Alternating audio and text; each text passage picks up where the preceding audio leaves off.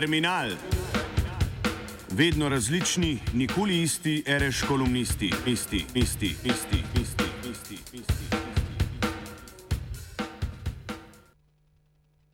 Ima socializem danes ponovno šanso? Tokratni terminal je mogoče razumeti kot opombo k debati o sadnih jogurtih. Morda se bo izrečeno slišalo prenapihnjeno, pa vseeno ne morem držati jezika za zobmi. Zdi se mi, da ima socializem danes zelo dobre šanse.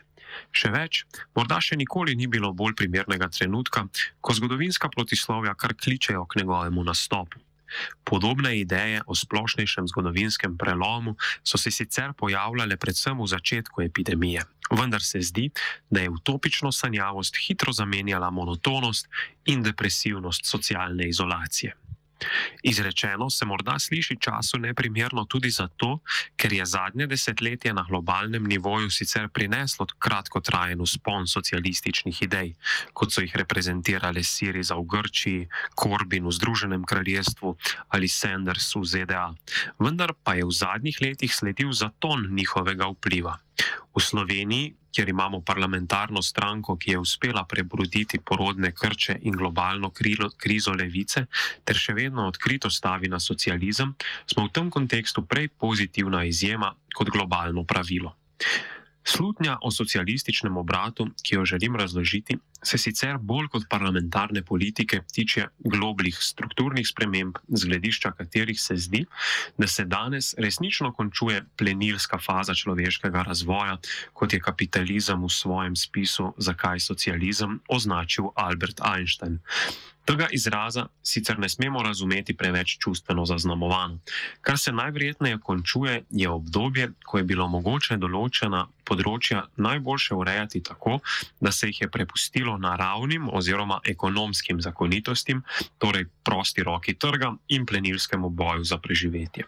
V nasprotju s tem, kompleksnost današnjih družbenih sistemov in nestabilnost na planetarni ravni kliče k planskemu pristopu, kar se kaže v nujnosti koordiniranega odziva tako v primeru podnebne krize kot v primeru pandemije.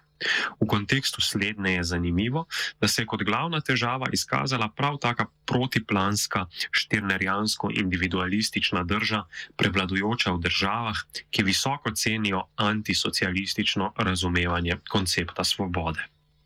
Toda Zavedati se moramo, da plansko gospodarstvo še ni socializem, na kar je mogoče sklepati že potem, da se k nekaterim njegovim elementom, kot je razvidno iz protikoronskih paketov, obračajo tudi tako deklarativno antisocialistične vlade, kot je trenutna slovenska. Ker lahko socializem pomeni marsikaj, se je skratka smiselno vprašati, kateri so tisti elementi zgodovinskih socializmov, ki bi jih bilo smiselno v postkoronskih časih ponovno reanimirati. Pred kratkim sem imel priložnost v okviru svojega raziskovalnega dela analizirati uh, intervjuje, ki so jih študenti novinarstva upravili s starejšimi osebami o dojemanju socialistične Jugoslavije. Pri tem mi je v oči najbolj padel specifičen ponos, ki se zdi z gledišča naše, ne več tako mlade generacije, uh, katerih politično udestovanje se ponavadi začne in konča pri ciničnih mimih, odrezavih odzivih in spletnih peticijah povsem nadrealen. Ta ponos je namreč izhajal iz tega, da je večina intervjuvancev same sebe, predvsem tam med leti 1950 in 1980, razumela kot graditelje družbe, kot konstitutivni in konstruktivni del večjega, v prihodnosti naravnanega in smiselnega projekta.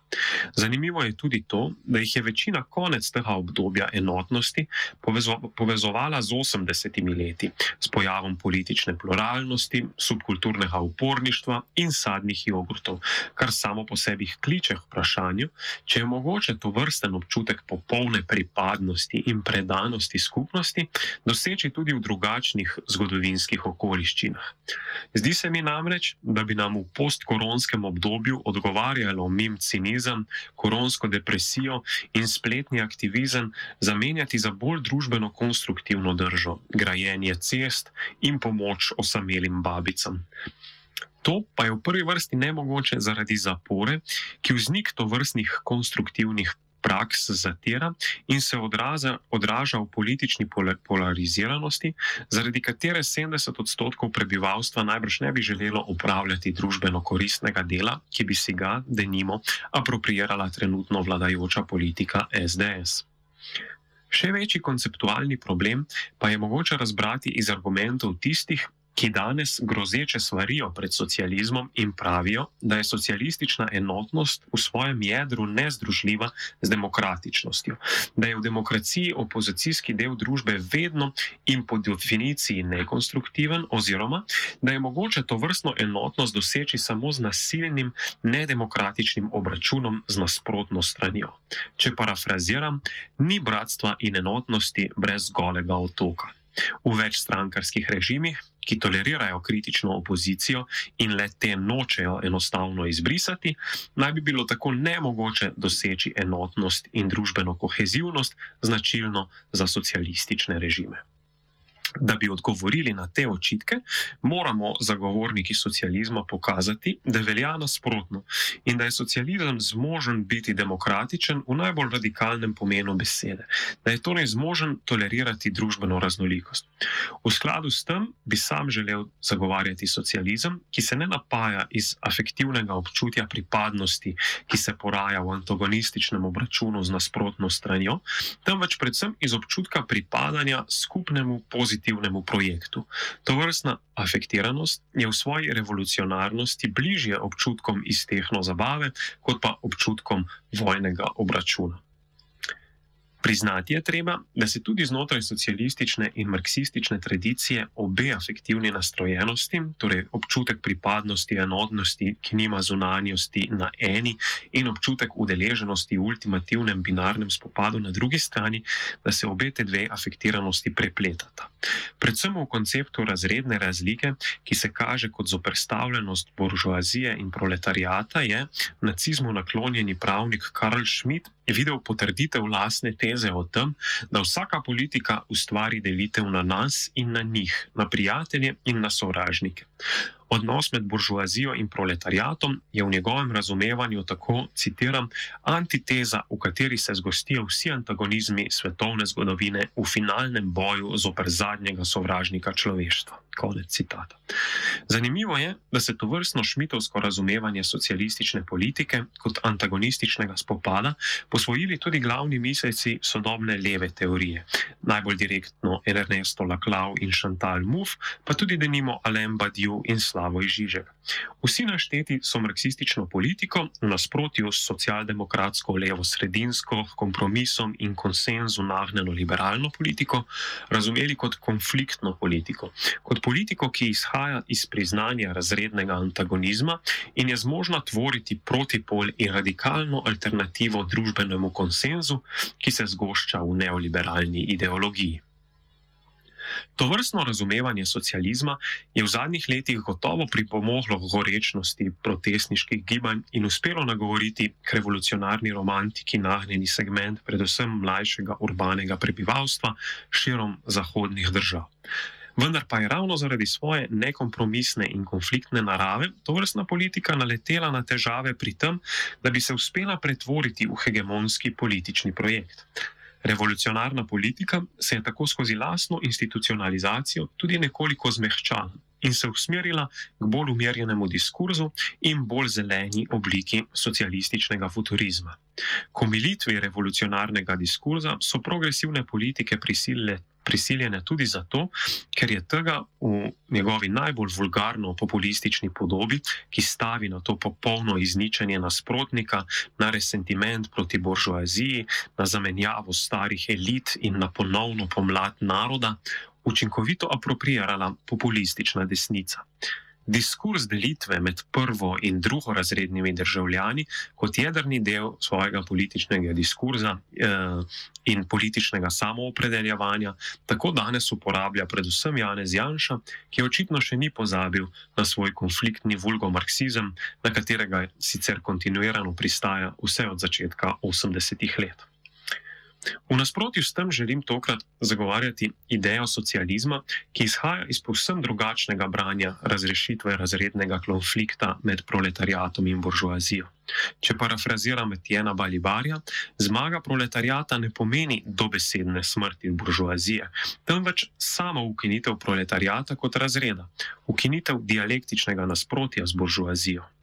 Diktatura proletariata tako ni ime za zmago ene družbene skupine nad drugo, kakor tudi želja proletarskih množic ni uničenje buržoazije v binarnem spopadu, temveč to, da bi sami postali buržoazija, torej deležni materialnega blagostanja in svobode.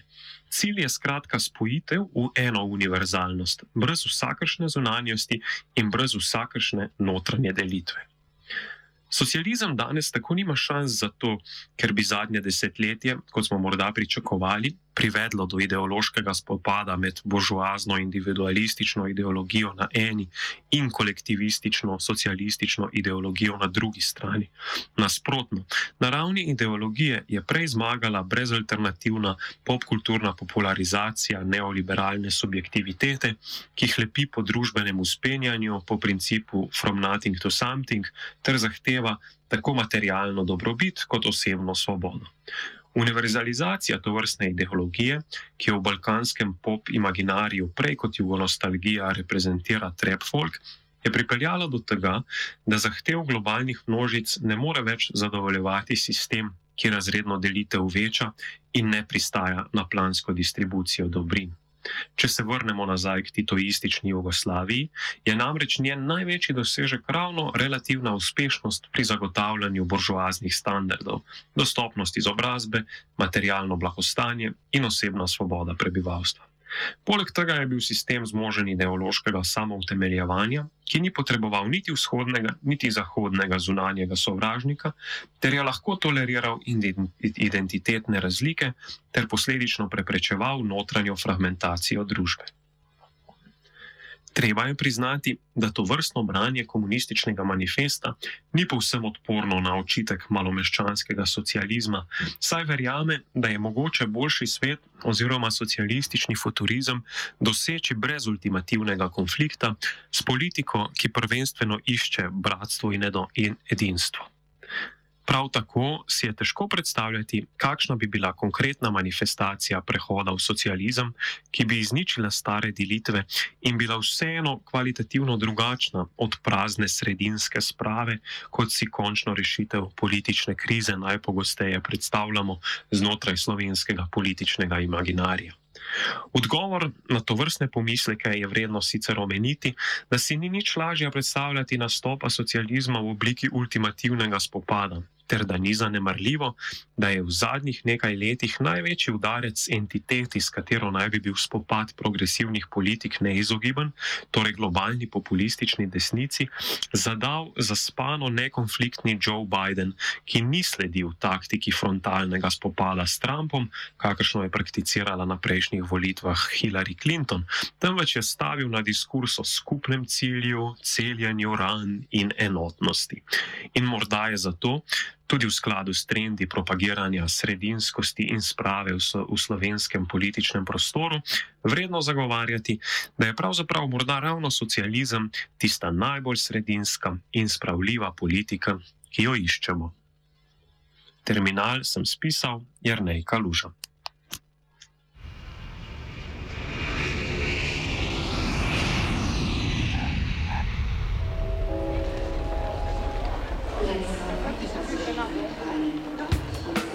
Terminal. Vedno različni, nikoli isti, reš kolumnisti, isti, isti, isti, isti, isti, isti. isti.